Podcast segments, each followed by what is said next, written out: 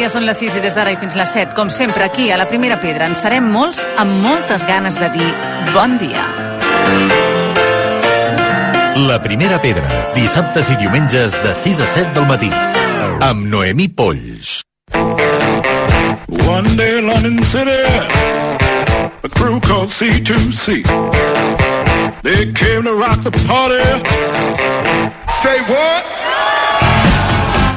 Ser sostenible en l'alimentació implica menjar producte de temporada i, per tant, amb l'Anabel Fernández, directora de nutrició de Coa Center, volem parlar d'això, dels aliments interessants en la temporada d'hivern. Anabel, bon dia. Bon dia, Noemi. I segur que ara tenim bons aliments que val la pena aprofitar, que els tindrem frescos i, al millor, fins i tot, si tenim sort, del, de l'agricultor que tinguem a prop de casa, no? Sí, sí, al final moltes vegades ja ens hem oblidat del que està de temporada, no? Com tenim de tot, Sí, tot l'any, de fet costa, inclús, a vegades la gent, però això quan està, perquè com tenim sempre, no? I llavors hi ha certs aliments que ens interessen en, en determinades èpoques de l'any o inclús aliments que en, de determinada època que tenen coses interessants, Mhm. vale? Llavors, uns vegetals que a l'hivern ens van molt, molt bé són els aliments que es dirien les crucíferes, una família que, que té molts vegetals dintre, però els que més coneixem nosaltres serien, per exemple, la col, el brècol, eh, les cols de Brussel·les, també el, el kale, no?, que s'ha posat com molt de moda Sí. últimament, tot això que Que serien és com... un tipus de col, també. Sí, sí, sí. Llavors, tot això ens va molt bé perquè són aliments que són rics, per exemple, en carotenoids, que a vegades no se sap perquè es pensa que el carotenoid és els, els aliments que són eh, com taronges o de color més vermell i aquest La, la no carn, és. sí. No? Llavors, Exacte, són, són verds. Sí, llavors seria més pues, això, la, la pastanaga i tot això, però això també en té, i té també moltes vitamines. Però, a part d'això, eh, les crucíferes tenen eh, calci, que és una, una cosa que moltes vegades no en sabem, i a vegades quan la gent no consumeix llet, pues això és una molt bona font de calci, de calci amb la qual cosa estaria molt bé per incloure'l, i són bona font de fibra, amb la qual cosa també ens aportaran tot el que són els seus beneficis a nivell intestinal, a nivell protectiu de cert càncer, llavors ens va molt bé però tenen una cosa més interessant, que serien que són rics amb un producte ric amb azufre.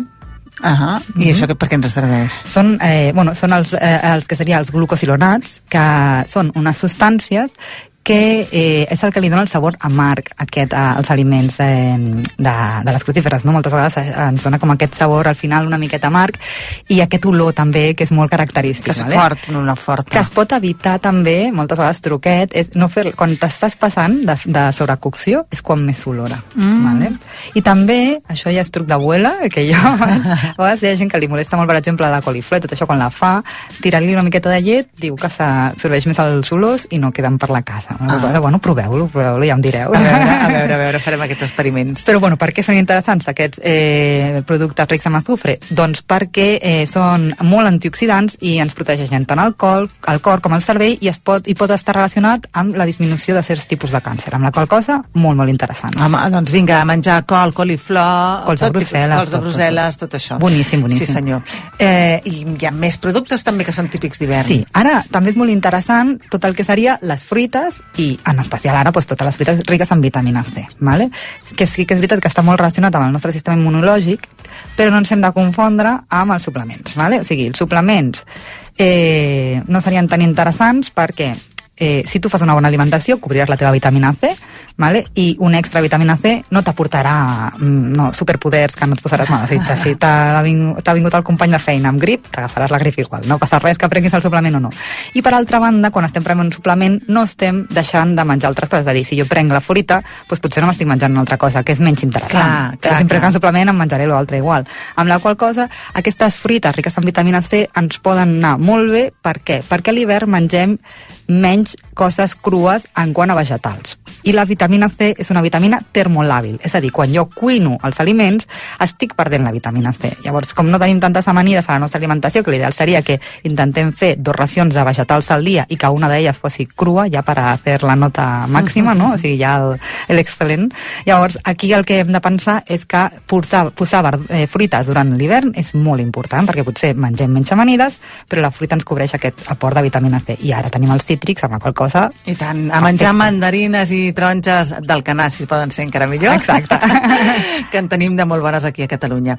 Doncs sí senyor, i eh, ja, això ja tindríem els productes de temporada per excel·lència. Sí, sí, això també. Jo només ja abogaria per donar-li una miqueta més d'importància a les llegums, que estan És tot l'any, però ara a l'hivern, calentonetes, estan molt bé i Ai, així sí. reduïm una miqueta el consum de carn. Unes llenties, i millor podem provar de barrejar-ho, perquè no amb la col o amb, la, amb el bròcol, que Exacte. un plat així...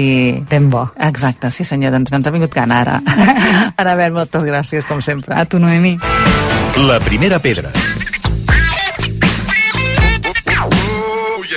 El salala tot el pes, massa, massa coses i la mare ja ha vestit el petit ocell.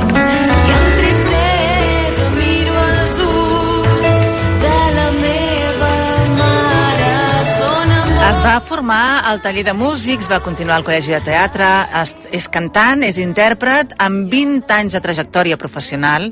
Avui a l'Espai Ter de Torroella de Montgrí la podreu veure amb el concert Babel. Lídia Pujol, bon dia. Bon dia, bon dia. Ara sonava tot molt dolç i em diu, no, no, però Sí. venim amb ganes de guerra, perquè és que hi ha moltes coses a dir. hi ha moltes no sé si tindrem temps de dir-les totes, oi? Bueno, mira, el subtítol del disc, que és Babel, que vol dir balbuceig, eh, i celebra el primer disc que vaig fer en solitari, que es deia Iaie, que era un crit. O Exacte. Sigui, necessitava cridar. que aquest tema que sentíem és de iaia, Exacte, sí. Eh, hem tornat a fer una altra versió de- d'aquest tema, eh, que l'ha fet el Pau Figueres, amb un arranjament magnífic.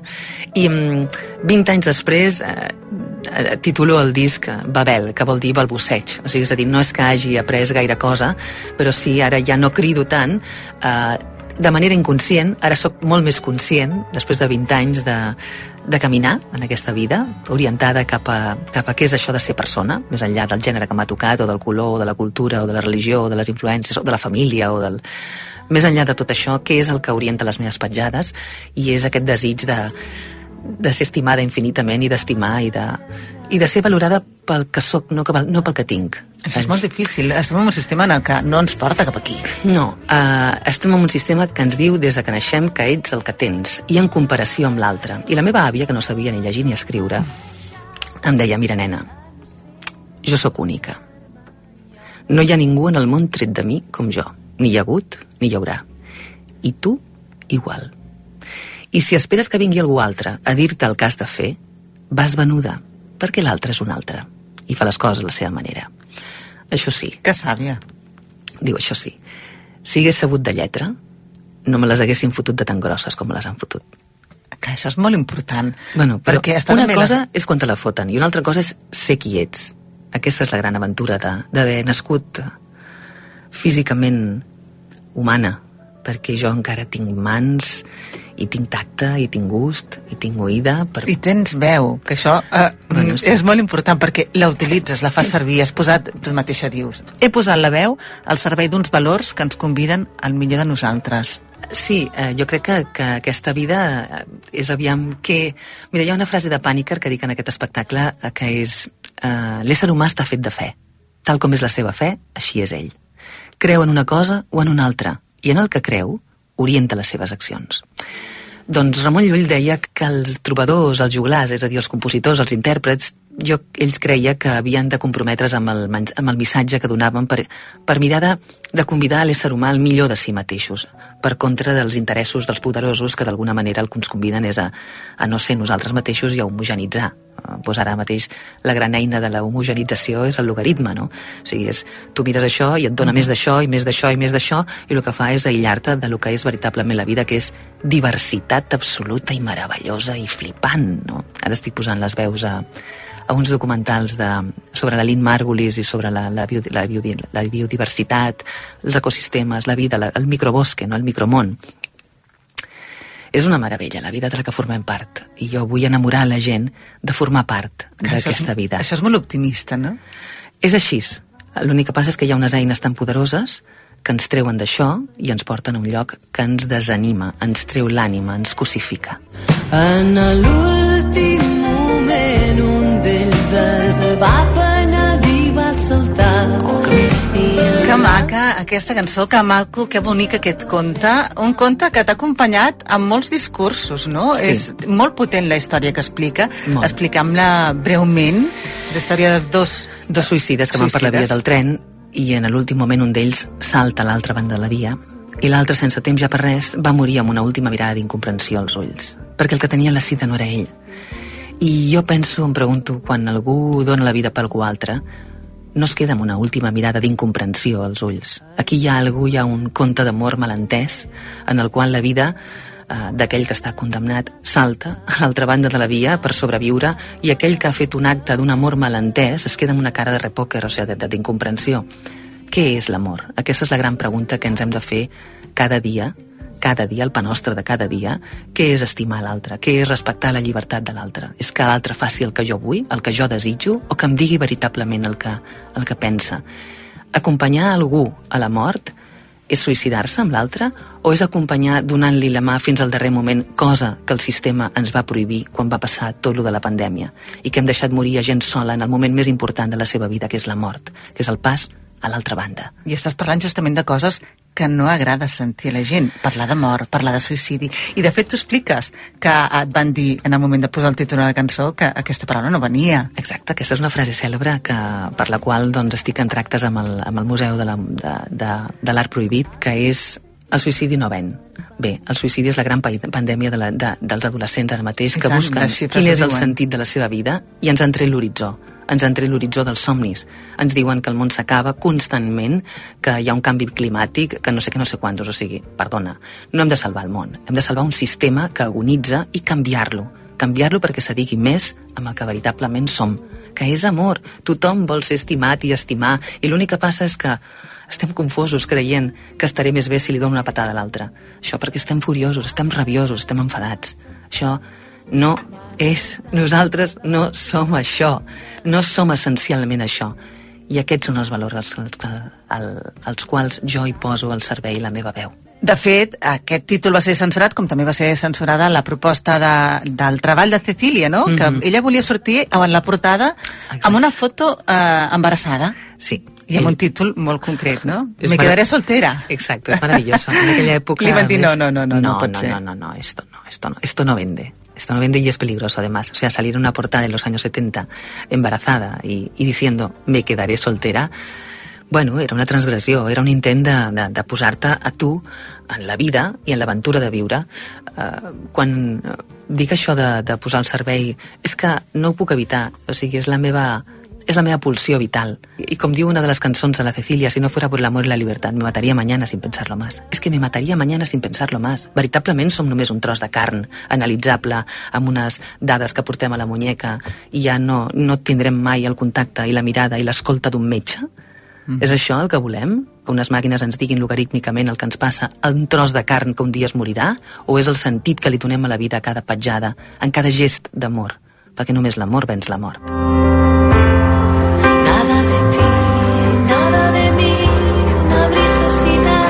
aire soy yo. Nada de nadie. És del 21, Conversando con Cecilia? Sí, sí va oi? ser tot just sortir de la pandèmia. Mm -hmm. sí. Mhm. va sorgir, aquest disc va sorgir escoltant el rei el dia 3 d'octubre del, del 2017, va ser? Mhm, El dia- 2017. El vaig escoltar així declarant els bandos d'aquesta manera tan natural i vaig dir, ostres, eh, pues, en lugar de, de ser una I, una I, una conjunción copulativa, un algo que, que di, vamos a, vamos a ver cómo lo arreglamos esto, no, no, eh, i em vaig quedar diciendo ¿dónde están tus ojos, dónde están tus manos, dónde tu cabeza, mi querida Espanya? I llavors vaig anar a buscar la cançó i vaig trobar que aquella mateixa cançó havia estat censurada en el seu moment. Imagina't. I no era mi querida Res Espanya. canvia, eh, a vegades. Bueno, a vegades. el poder es el poder. Mhm. El poder es el poder desde que, desde que Caín mató a Abel, ¿sabes? O sea, diu, bueno, yo tengo más fuerza, pues te la pego. Llavors, des d'aleshores anem reproduint un patriarcat, que és una manera de funcionar en base a la força i al poder, que és molt trist que no puguem contemplar l'altra part del que som les persones, que és aquesta, aquesta part gestadora, aquest, aquesta part de, de, bueno, és, és tot allò que no es veu i és, no? que, de, que, diu, eh, que diu la Maria Arnal en la seva cançó, no? tot el que no és i és, no? que és l'arrel de la- de l'arbre i la copa, es veu, però és directament proporcional al que no veus del que veus. Llavors, ho sabem pel petit príncep, ho sabem per tot, saps? I ens, i ens neguem això dient només sóc el que puc comptar. 5 o 6, sí, jo més que tu, tu més que esto. Sí, per favor. la primera cançó que has posat, que és l'Arbret sobre el, sobre, eh, l'Arbret vol el camí, parla d'un amor malentès d'una mare, que és una sobreprotecció i que és no diferenciar-se del fill i esperonar-lo a fer el seu camí, donar-li aquest, aquesta primera autoestima regalada que després t'ajuda a estar en el món. Doncs clar, si tu, si tu no tens aquest gest del, te- del primer sistema al que arribes, que és la família, et costa molt. És lo traumàtic que has d'anar desgranant en la llarg de la teva vida. Escolta'm, ara estem, jo diria que d'enhorabona, ha rebut el premi Espaiter. Ai, sí. Un regal per Oh. tu, així ho dius tu, Oh. que crec que és evidentment merescut per tota aquesta trajectòria i que t'ha permès doncs, estar en un moment creatiu important en la teva trajectòria, justament, no? Pues sí. Ha estat un regal, un premi d'aquells que dius, bueno, un premi, no? Pues no és un pongo, no és una cosa que me l'he de posar allà a sobre i dius, pam, no, no, és gravar un disco amb els millors músics de tota la meva trajectòria, els que he triat durant 20 anys, eh, les còpies a l'estudi, el millor tècnic de so, el millor estudi de mescles amb l'Aniol vestit eh, de Sound of Word, amb, amb, amb el Pau Figueres, amb el Dani Espasa, el Carlos Montfort, el Dídac Fernández, el, el, el, el Miquel Àngel Cordero, el Xavi Lozano... Avui, a dos quarts de nou del vespre, Exacte. podrem veure l'actuació a Torroella de Montgrí. Sí, sí, sí. Què veurem, què veurem aquesta nit? pues mira, és un, és un camí és un camí que m'ha... Aquest disc m'ha permès eh, fer una mirada conscient sobre la meva trajectòria i he triat algunes cançons que m'ajuden a explicar doncs això que formem part d'un misteri meravellós que és la natura, que som natura i que, i que no hi ha res més meravellós que això. Lídia, ha sigut un plaer enorme. Estaríem 50.000 hores parlant. Sí. I tristament no canviaríem molt les coses, però segur que una miqueta... No et pensis. Sí, sí, sí, exacte. Feina de formigueta. Sí, cal anar polint les idees, cal anar posant-les en boca i compartint-les. Compartim, escampem. Ei, som amor, infinit amor, necessitat d'estimar. No som el que, el que tenim, som el que som i és una aventura descobrir-ho cada dia. I ho descobrireu també a través de l'últim treball de, de la Lídia Pujol. Moltíssimes gràcies, Lídia. Gràcies.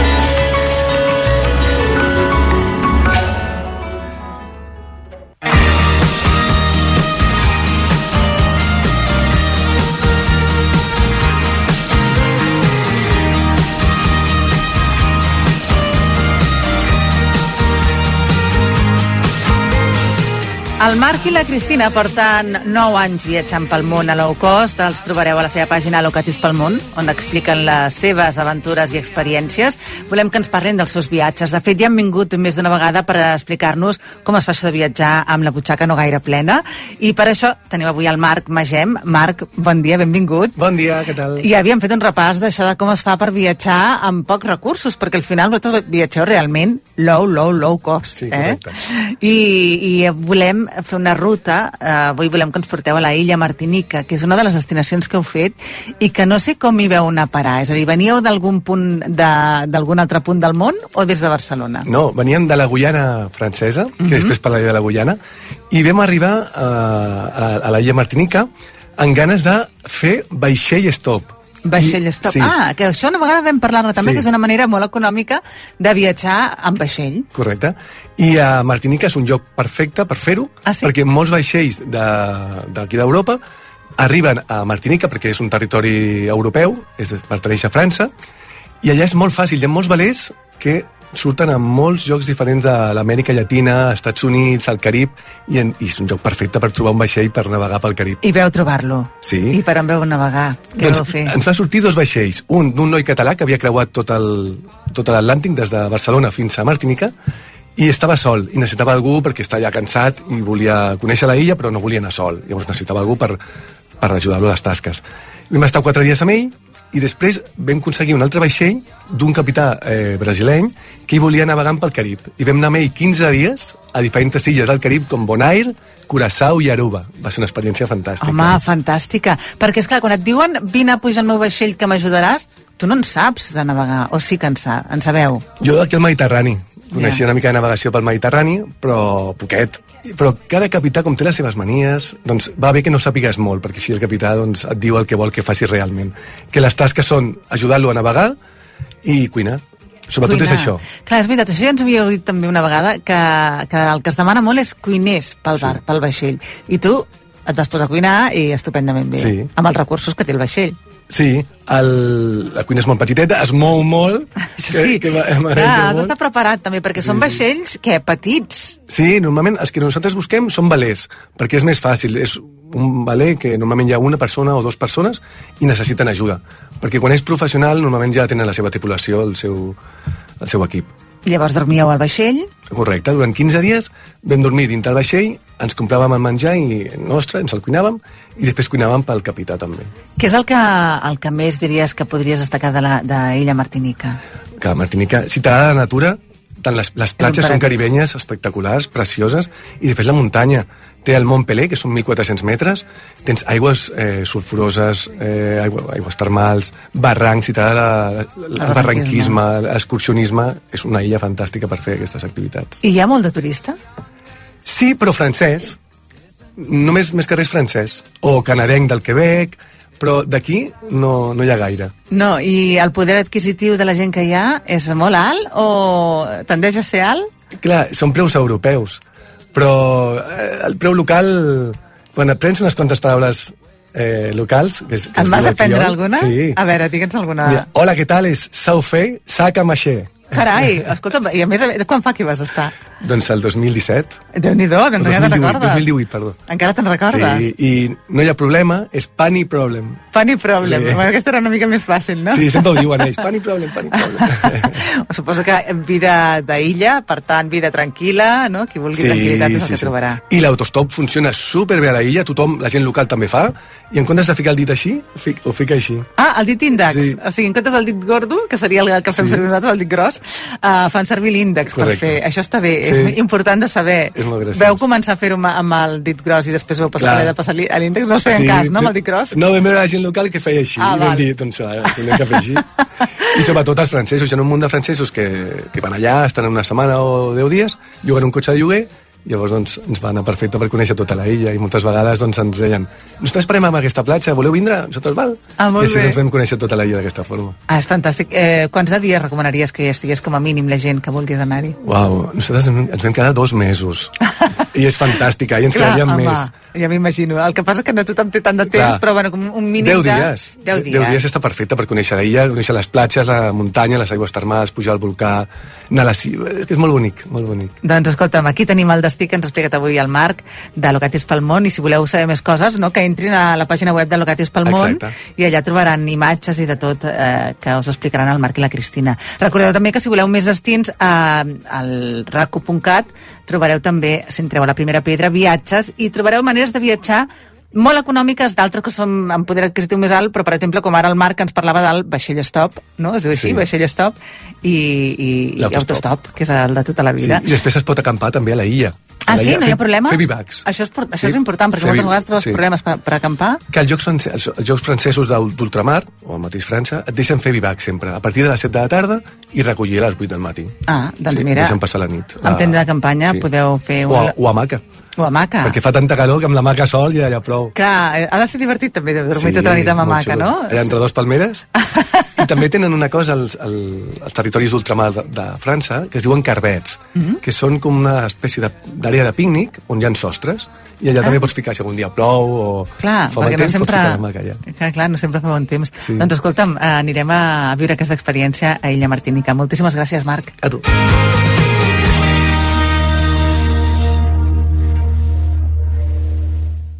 I mentre preparem viatges pels dies de vacances que han de venir, volem gaudir del camí i en Jordi Margarit ens fa una proposta per fer una sortida a casa nostra.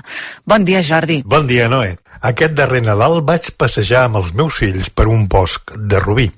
El motiu? Uns diorames que l'agrupació pessebrista de la localitat va construir expressament enmig de caminets, d'arbres i de rierols. Doncs avui anirem a un bosc gironí on podreu gaudir d'una col·lecció d'escultures impressionants. És per xalar.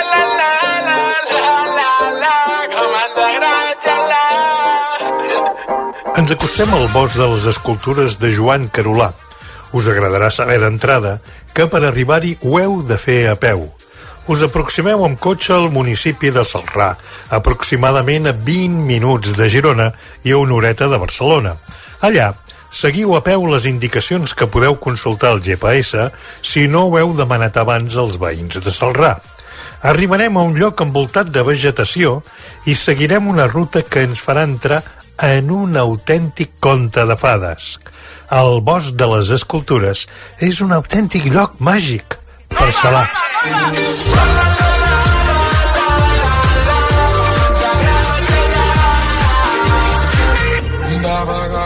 Parlo d'una quarantena d'escultures d'en Carolà. L'art en estat pur. Figures simbòliques, instruments musicals, sols, llunes, sirenes, piràmides i d'altres s'amaguen enmig de la natura posades d'una manera estratègica perquè se'ns apareguin com elements propis d'aquesta meravella de bosc. Un lloc ideal per anar-hi en família. El bosc de les escultures de Carolà a Celrà és impressionant.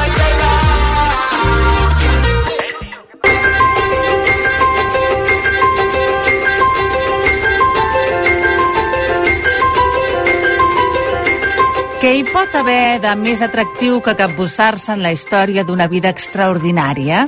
Les biografies, les autobiografies, són llibres molt més apassionants que no ens pensem d'entrada. I avui l'Eva Comas Arnal ens presenta una obra que ens descobreix no una dona fascinant, sinó dues, i que a més a més resulten ser mare i filla, la periodista, filòsofa i escriptora Mary Wollstonecraft i la seva filla Mary Shelley. Bon dia, Eva. Molt bon dia. Avui ens parles d'una biografia doble, com ara dèiem, escrita en aquest cas per una altra dona, que és la Charlotte Gordon, proscrites romàntiques, les vides extraordinàries de Mary Wollstonecraft i Mary Shelley. Quina és la novetat que incorpora aquesta obra? Que ara de, Aquesta aquí la veig ben gruixudota, eh, per que això. és, és, és una senyora Una senyora biografia. obra. Sí, sí, per, però, però són 600 pàgines que he estat devorant apassionadament perquè la vida d'aquestes dues grandíssimes aventureres és enorme. Tu ara em preguntaves quina és la novetat que incorpora aquesta obra, perquè clar, Ah.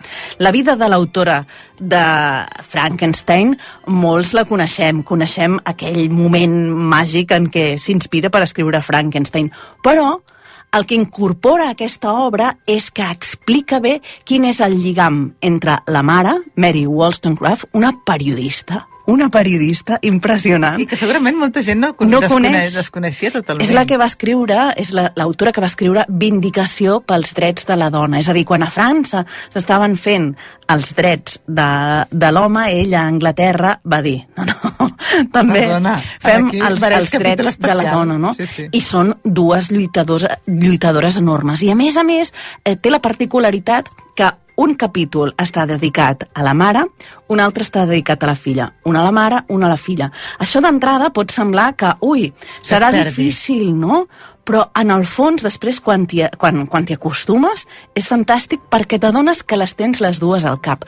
Però hi ha una particularitat sobre aquesta mare i aquesta filla, que és que eh, la mare va morir 10 dies després que nasqués Mary Shelley. Per tant, dius, ostres, com podem explicar la història d'una mare i d'una filla si la mare s'ha mort, no? Com ho podem saber?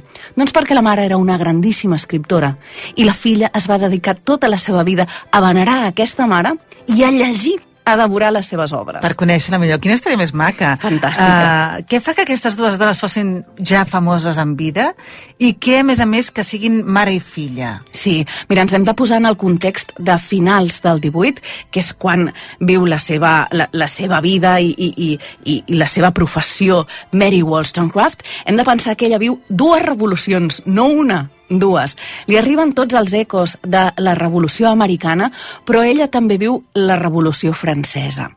I és una d'aquelles dones que ja des del començament veu que les revolucions, que els revolucionaris, no es poden quedar només en les obres dels homes, sinó que ha de canviar la situació de la dona. Perquè un dels problemes que hi havia al 18, i evidentment al llarg de tots els segles i segles, és que eh, les dones, un bon punt, es casaven, quedaven esclavitzades en mans del marit, però és que prèviament ho havien sigut en mans del pare o d'una família o de qui fos, no?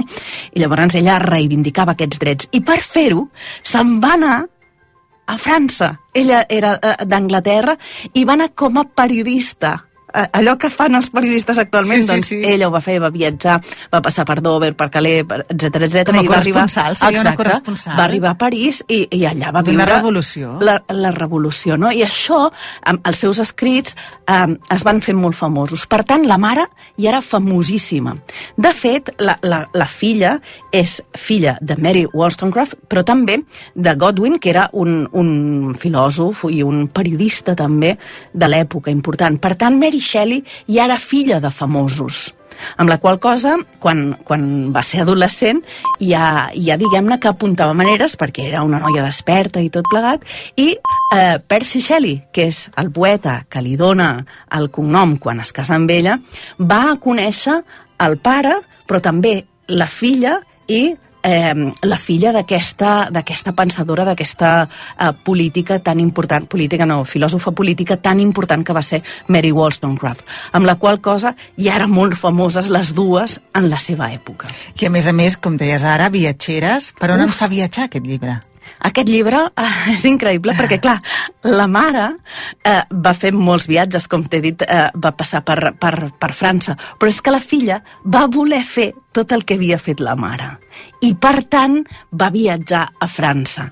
Eh, S'escapen, allò, amb, amb una història romàntica, perquè hem de pensar que això és el romanticisme amb la Clar, seva clar, essència, clar. no? De ser, 16, ha de ser. 16 anyets, Mary Shelley, 16 anyets, coneix a Percy Shelley, s'enamora bojament, agafen uh, la germanastra i tots tres se'n van cap a França a seguir les passes de la seva mare. Però queden molt decebuts, perquè quan ells hi arriben la revolució ja ha passat. De fet, hi ha restes de la guerra napoleònica, tot està com molt, molt, molt, molt Molt deixat, decadent. no? I llavors diuen, no, doncs ens anirem cap a Suïssa. I se'n van cap a, cap a Suïssa. Per tant, estem viatjant constantment, perquè aquest mateix eh, viatge després el tornen a fer, i és aquell el moment en el que comença a tramar i a escriure l'obra de Frankenstein. Ai, clar, clar, arribem al gran moment. I explica'ns en concret el moment de gestació de l'obra que ara estaves apuntant. Sí, doncs mira, uh, això va passar un estiu. Tu t'imagines allò, de, em vas un estiu de vacances, me'n vaig a Suïssa, al costat del llac Lehmann, amb una mansió, que era una mansió enorme. Els acompanyava en aquest viatge, en aquest cas, un altre poeta romàntic increïble, que era Lord Byron. Que, Home, és que, esclar, amb aquestes companyies, És que- com no se t'havia d'acudir escriure una gran obra de tota la història de la, la literatura? cosa, la cosa és que va ser Lord Byron i Percy Shelley que van dir mira, com que hem trobat aquí un llibre que parla de fantasmes i estem tan distrets aquí llegint eh, històries de fantasmes, perquè deixa-m'ho dir, plovia molt i estava molt fosc tot aquell estiu. Havia eh, entrat en erupció un volcà que havia deixat gairebé tot el planeta en un estat de foscor, amb la qual cosa, que millor que començar a llegir històries de fantasmes, no? Doncs com que estaven tan entretinguts, Byron va dir, i per què no fem una juguesca a veure qui escriu la història de terror més impressionant? I eh, Shelley i Byron mm, al principi s'hi van posar, però després van passar de tot però Mary Shelley i també el servent i el metge de, de Byron que es deia William Polidori van escriure una història de fantasmes. Mm. Eh, Mary Shelley va escriure el Frankenstein, Uh, que és una obra que no ens podem perdre, i després William Polidori va escriure El vampir, que és el precedent de Dràcula. Que bo. Sí, doncs, sí. Em serà una història fantàstica que, a més a més, està dintre d'aquest Sí, llibre que ara dèiem sí, i que sí. ens permetrà descobrir la mare de Mary Shelley. I tant, que... i, i una mica més la història de Mary Shelley. Exacte, i acabarem de completar aquesta imatge d'aquesta gran escriptora. Com sempre, un plaer, Eva. Moltíssimes gràcies. Adéu-siau.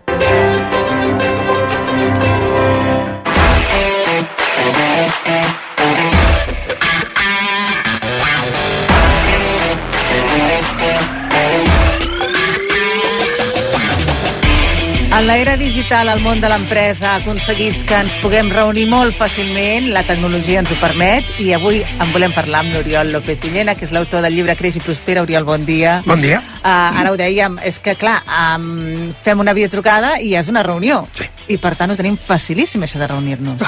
I això, que, i això què, què, què consideraríem? És una bona notícia o una mala No notícia? sé, però jo crec que ens passem la vida reunits. Jo crec que conclouríem tots sí, que a ningú li agraden les reunions en general i que això és una mala notícia, és una pèssima Sí. notícia. I és una pèssima notícia perquè aviam, no és una pèssima notícia que existeixin les videotrucades, Està bé, perquè que és molt sí. còmode. Exacte, pot estalviar-nos molts problemes, però clar, no sempre. El problema, com ens agrada parlar aquí, tu ja ho saps, és més de canvi de principis que no pas de- d'eines, no? És a dir, el, el, aquí el, el problema parteix del principi sobre el qual eh, s'han de fer moltes reunions i com més gent millor. I llavors això ho hem de trencar, o sigui, menys reunions i menys gent. Clar, és que ara hi ha tot de teories de com fer la reunió eficient, però Sí. potser ens hem de plantejar, que és el que tu dius, cal la reunió? Sí, és la manera més eficient de fer una reunió és no fer-la. És no fer-la, clar, perquè no cal.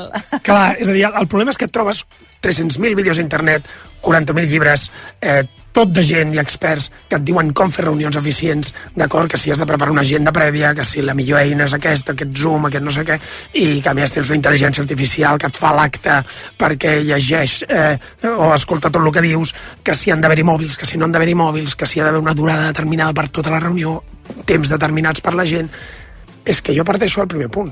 Si fas eficient una cosa que no és necessària, perds tot l'avantatge que podies tenir. Sí, sí. Per tant, el primer que ens hauríem de plantejar és, eh, hauríem de canviar, és aquest focus en l'eficiència i posar-lo en un altre lloc, que és en l'eficàcia. Que és dir, escolta, estem fent el que toca, o sigui, hem de fer aquesta reunió i amb aquesta gent. Crec que és, que és la manera més simple, no? El primer, per exemple, preguntar-se, escolta, qui volem que estigui a la necessari? reunió? Clar, Sí, qui, és, qui és necessari, qui és rellevant per aquella reunió.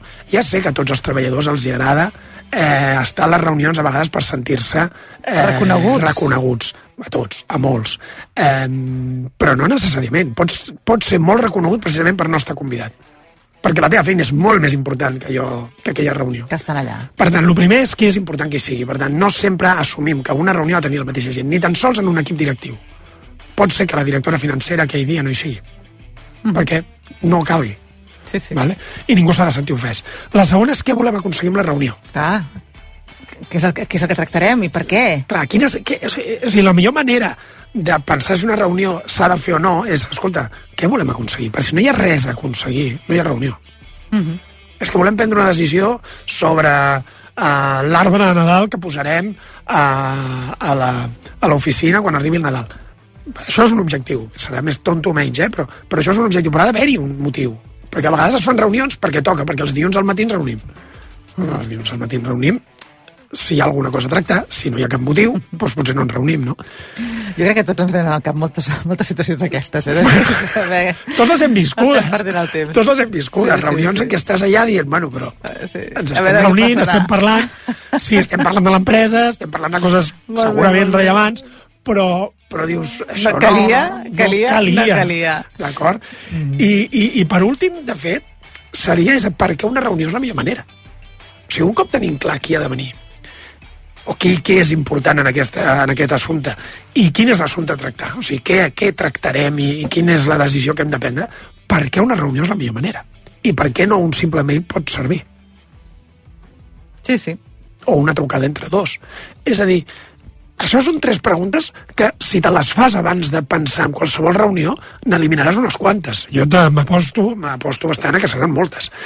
I llavors, un cop has dit, sí, tinc persones rellevants, tinc un tema, i la reunió és la millor manera, llavors és quan pots entrar a l'altre a l'altre àmbit, a l'eficiència. I a dir, com la faig més eficient, si vols. Però no abans. No, no, primer ens hem de plantejar, cal la reunió i cal que hi siguem tots. Per tant, menys reunions amb menys, amb menys gent seria un propòsit Aquest bo. seria el propòsit bo per qualsevol empresa i persona. Doncs ens quedem amb aquest missatge, Oriol. Moltes gràcies. Gràcies a tu. Bon dia.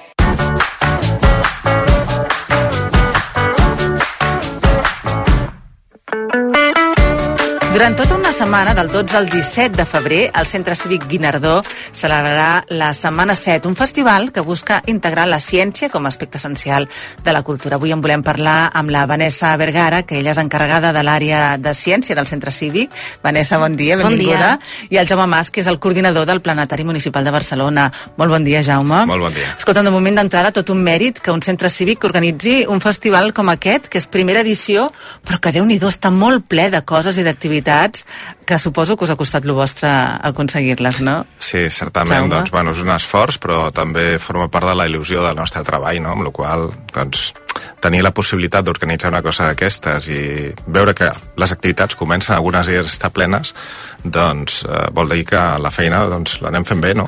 I tant, i, i a més a més és d'un centre cívic que abans ho estàvem començar, comentant abans d'entrar aquí a micròfon que, que déu nhi les feines que fan un centre cívic i com eh, aporten un valor en el barri cultural super necessari. Super necessari i a nivell de la ciència més. O sigui, nosaltres el que volem és posar en valor que la ciència també és cultura. I això és molt complicat d'entendre perquè és un aspecte de la vida que se posa com en un altre lloc, no, Mhm. se, no se barreja amb la cultura. Llavors, per nosaltres és important que el barri, que la gent, que la comunitat entengui que la ciència també és part de la seva vida i que la cultura científica és molt important perquè la comunitat estigui informada.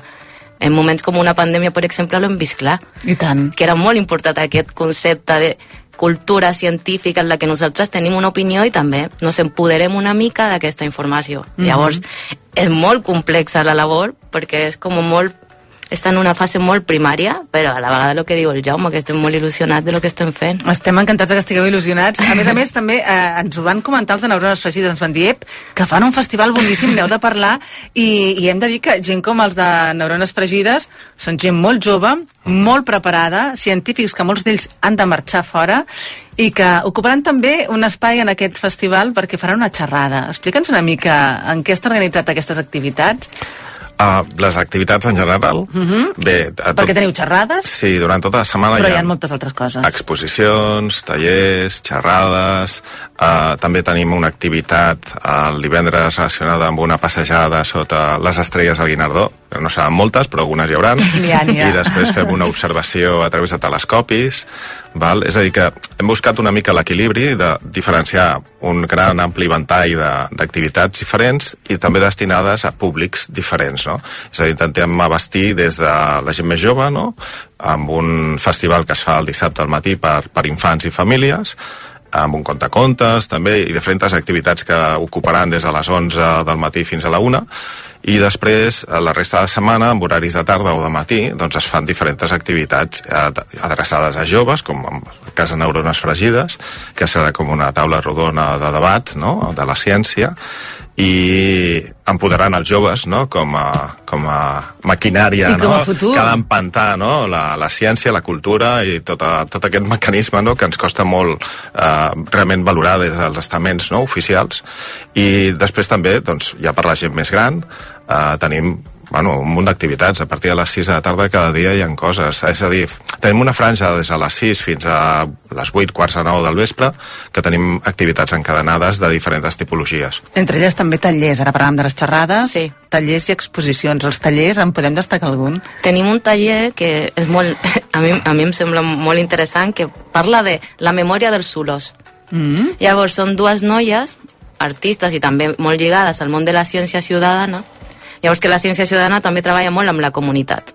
Llavors, aquest taller és molt experimental en el sentit de que tots els olors que experimenten a través d'una lambrica i tot això, saps? Mhm. eh, faran al final una obra d'art que es posarem al centre cívic. Ah, que maco. És supermaco. Està dirigit a la gent més gran, que també, el que deia el Jaume, eh, tenim que abarcar tots els públics i la gent gran també és activa en aquest sentit en el centre. Llavors, aquesta activitat a mi em sembla meravellosa, és, és molt maca. I l'altra ta també, que és de tallers, que també és una mica una fricada, perquè jo estic esperant amb moltes ganes que Ens passi. agraden molt les picades en aquí. Moltes. És geometria amb bombolles de sabó. Ah? O sigui, és una associació que anirà a fer una xerrada de geometria i fan servir bombones de sabó projectades per explicar tot això. O sigui que... És fantàstic. Imaginació al poder... Les neurones fregides per tot arreu, la veritat.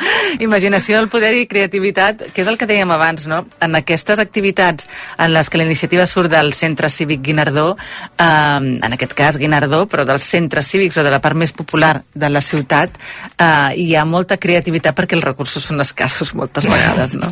Esteu d'acord amb mi? Sí, aquí hi ha una empremta no? de, de qui gestiona no? el recurs i de qui, a l'equip no? que treballa darrere, que cadascú intenta portar el millor de si, no? i fem com, bueno, de fet, una gran part de la nostra feina és com molt col·laborativa i això al final acaba produint resultats. No? Que uns resultats que, dèiem, tenim un programa planíssim, i que seria una pena que no s'omplís de públic, que ara és el que ens falta, estirar el públic. Mm, Què ha de fer la gent que vulgui participar-hi? I, i m'imagino que el perfil és absolutament tothom que s'hi Mhm. pot acostar. Tothom. No cal que siguin ni del Guinardó. No. Evidentment. No, no. On te trobaran tota la informació? Tota la informació està a la pàgina web del centre cívic i poseu Semana 7 en la, pàgina, en la pàgina web i en l'aplicatiu podeu inscriure a qualsevol activitat. Totes les activitats són gratuïtes. Totes les activitats gratuïtes, eh? Totes. Ens encanta O sigui, això. totes les activitats Cap de setmana i setmana eh, per fer activitats gratuïtes, Gratuïtes. Amb, que, que totes giren al voltant de la ciència, Sí. en les que aprendreu, però disfrutareu, Sí. i a més a més jugareu. I també tot farem pinya. Ser, exacte, i fareu pinya, sí I senyor. el dissabte, 17 de febrer, és molt important perquè és la Fira de la Ciència en Família, Mhm. dins de la programació de la Setmana 7. O sigui, totes les famílies tindran activitats gratuïtes pels nens de 10 del matí a 1 de la tarda. O sigui, no hi ha excusa. no hi ha excusa, A eh? banda, també penseu que és a dir, intentem abastir doncs, en grups, diguem-ne, persones, entitats no? del nostre territori eh, perquè participin, no? Per exemple, doncs, una de les persones que ens vindrà és l'Alfons Puertas, que és el meteoròleg de, de l'Observatori Fabra, no? Que surt sempre a TV3, eh, quan Mhm. surten les imatges a Barcelona, no? Després també ens venen investigadors a l'Institut de Física Altes Energies, no?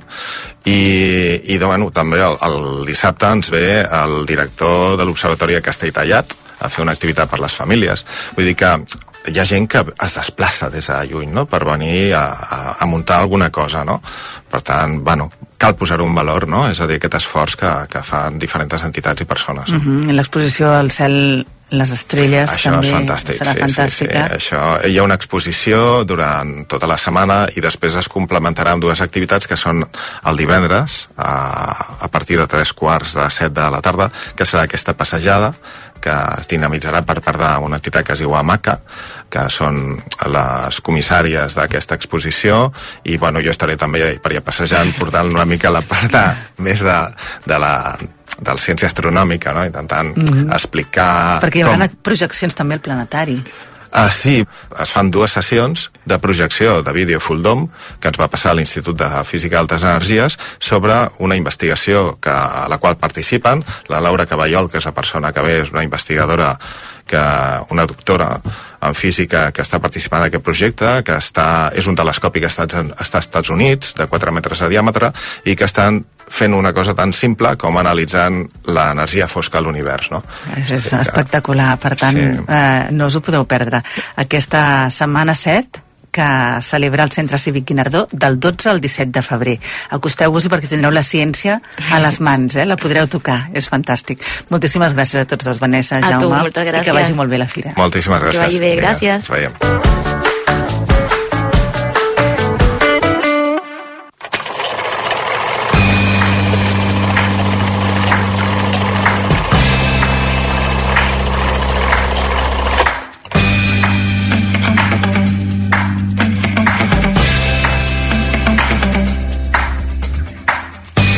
Joan Maria Morros, molt bon dia. Noemi Polls, molt bon dia. Què tal, com estem? Bé. Sí? I tu? Bé, mm, ganes d'anar al cinema perquè de veritat que cada vegada hi ha menys gent que va al cinema Sí. i està molt bé que de tant en tant recordem que s'hi pot anar, escolta'm, que està molt bé, que és S'hi molt divertit, s'hi ha d'anar. Sobretot per veure determinades pel·lícules. Aquesta, val la pena?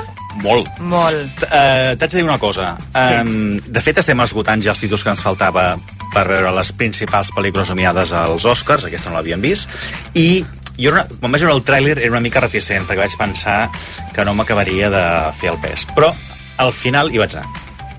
Déu-n'hi-do, eh? Mitja sala plena. Vull dir que hi havia Home, bastanta està molt gent. bé, sí. sí. I um, em va agradar molt. Sí? Dura una hora 40, perdona, dues hores 40, dues hores Home, 40. Déu-n'hi-do. Sí, hi ha un canvi. Hi ha un canvi. Ja d'una Però saps què passa? En cap moment Vas mirar el vaig mirar el rellotge. Mm. Zero. Això ja em tranquil·litza. Eh, la crítica diu que és boníssima, la gent que l'ha anat a veure diu que és boníssima, que a més a més l'actriu protagonista eh, es mereixerà o es mereixeria guanyar l'Oscar eh, perquè a més a més ho fa molt bé una miqueta més de dubtes a l'hora de parlar de la direcció, de la pel·lícula, etc etc etc. Uh, estem parlant de Poor Things. She's an experiment. Good evening. Her brain and her body are not quite synchronized. But she's progressing at an accelerated pace.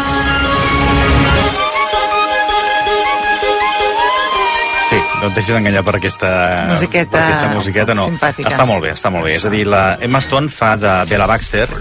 Um, després, al llarg de la pel·lícula, anem descobrint eh, el seu origen, eh? Um, és com una adaptació nova de la història de Frankenstein, de la creació de la, de la seva criatura. Um, tenim també el despertar a la vida de la Bella Baxter, de la Emma Stone. Ella està tancada en una casa a Londres i aleshores arriba un moment en què decideix que ha de sortir, que ha d'anar a veure món, que ha de eh, poder tenir accés a totes les coses que es fan fora d'aquell edifici, d'aquelles eh, quatre parets, i qui l'acompanya a fer-ho és el personatge del Marc eh, Ruffalo, um, el seu creador, el creador de la, de la Bella Baxter és en uh, William Dafoe, uh, està, és que està molt bé. Molt bé. Visualment és uh, boníssima, a nivell d'interpretació és boníssima, el guió està molt bé, l'història està molt bé, és que està molt bé.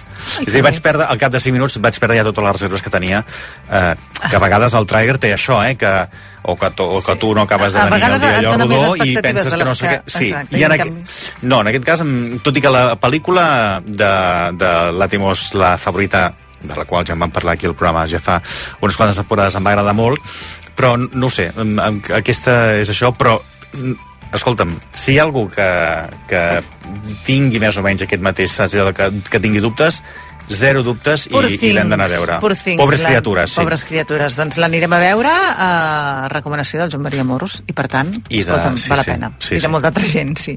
Però tu- tu em faràs veure- cas, per exemple? Sí, et faré cas. D'acord. I a més procuraré fer-ho abans dels Oscars, Home, sí. perquè si no, no sabré Sí, sí. de què va. Sí, sí, sí. O sigui que faré ràpid. Escolta'm, demà sèrie televisiva... Sí, um, i diguem-ne que a veure, hi ha una cosa que no t'agradarà en aquesta, hi ha coses que, són molt, que està molt bé, hi ha un pelicó de sang. Ah, sí? Va, t'ho perdono. Ho acceptes? Ho accepto, va. Bé, a mi no, de perdonar amb el Latimus. Ah, val, doncs no. però li perdono Demà, a ell. molta més. Val. Molta més violència. Ai, ai, ai, val, val, val. Doncs escolta'm, que vagi bé el dia. Fins demà. Fins demà.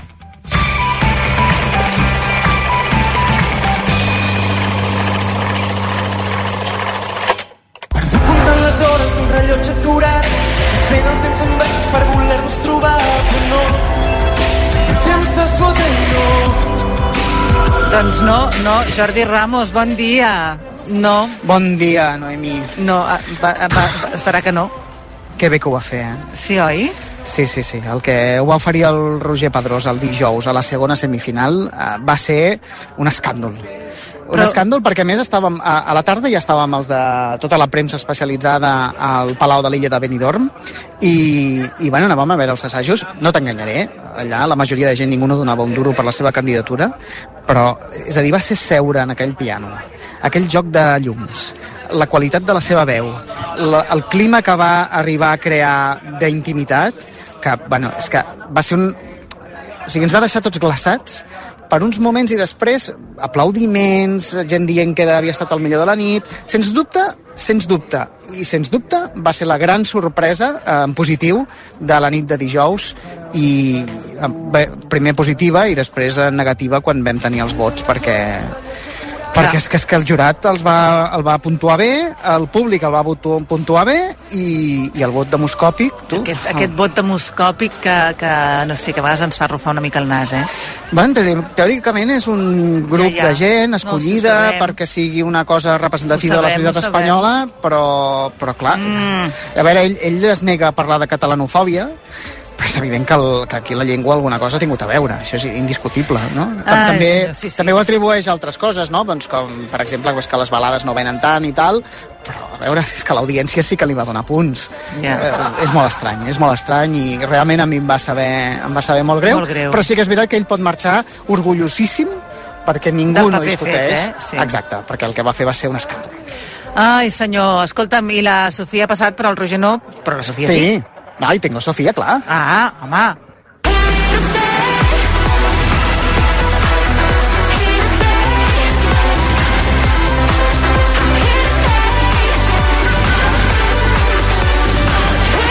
Què tal, què tal, la Sofia? Doncs mira, a veure, t'he de confessar una cosa. Um, la, fa una setmana parlàvem amb tu i jo i et deia que anava favorita està per guanyar el concurs i això a hores d'ara ja no està tan clar.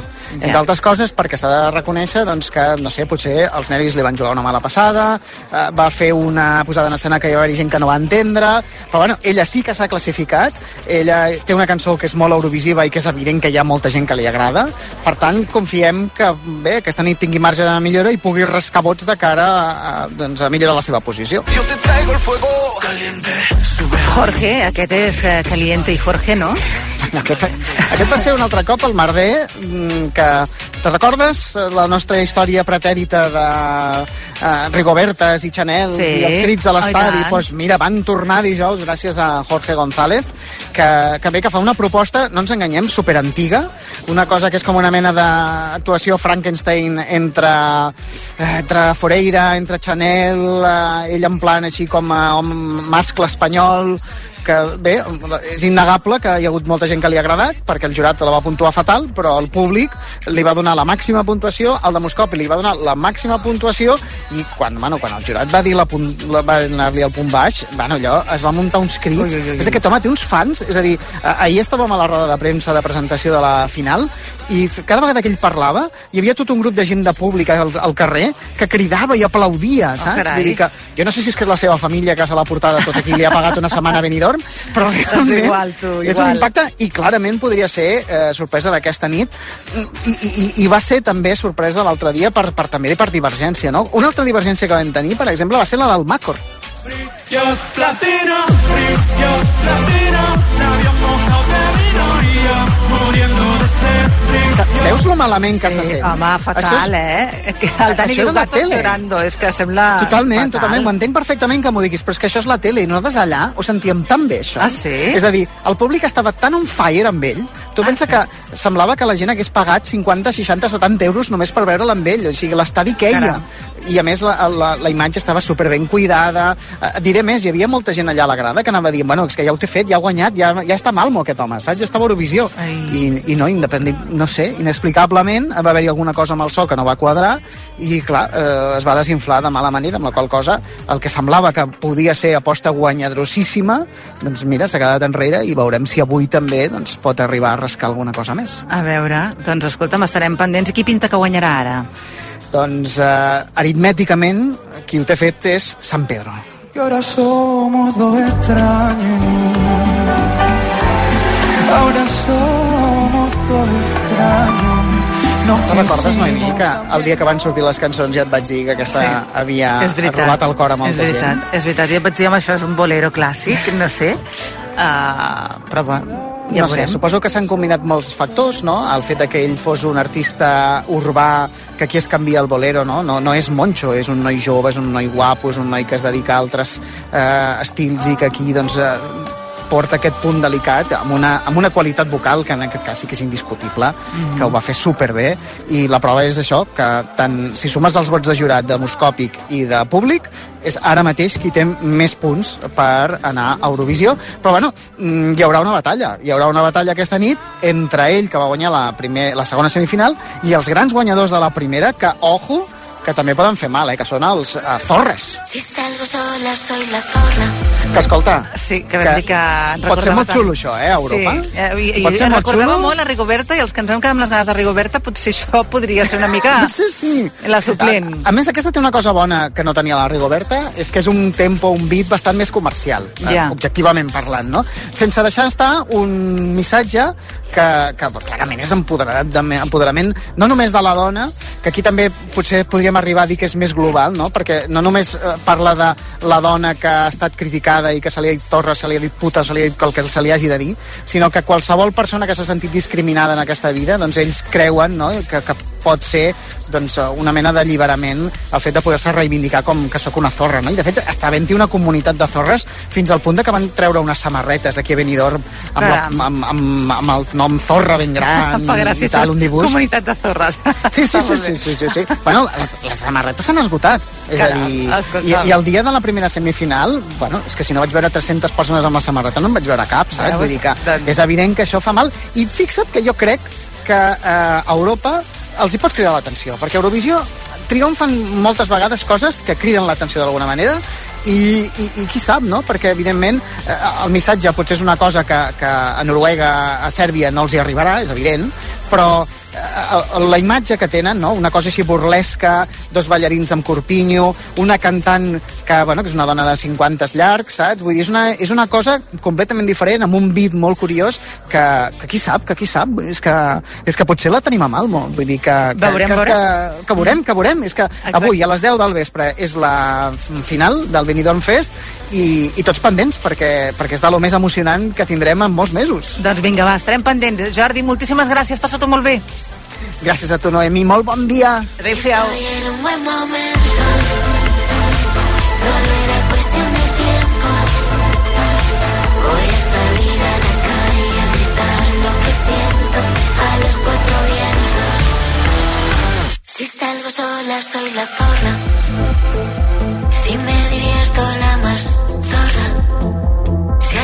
A CaixaBank sabem que acompanyar-te és estar amb tu sempre que ho necessitis. I com que volem que protegeixis el més important, et mantenim el preu de les assegurances de salut i de vida i de l'alarma Securitas Direct sense pujades durant 3 anys. Informa't a la teva oficina o a caixabank.cat. CaixaBank. Tu i jo. Nosaltres. S'aplica les assegurances MyBox.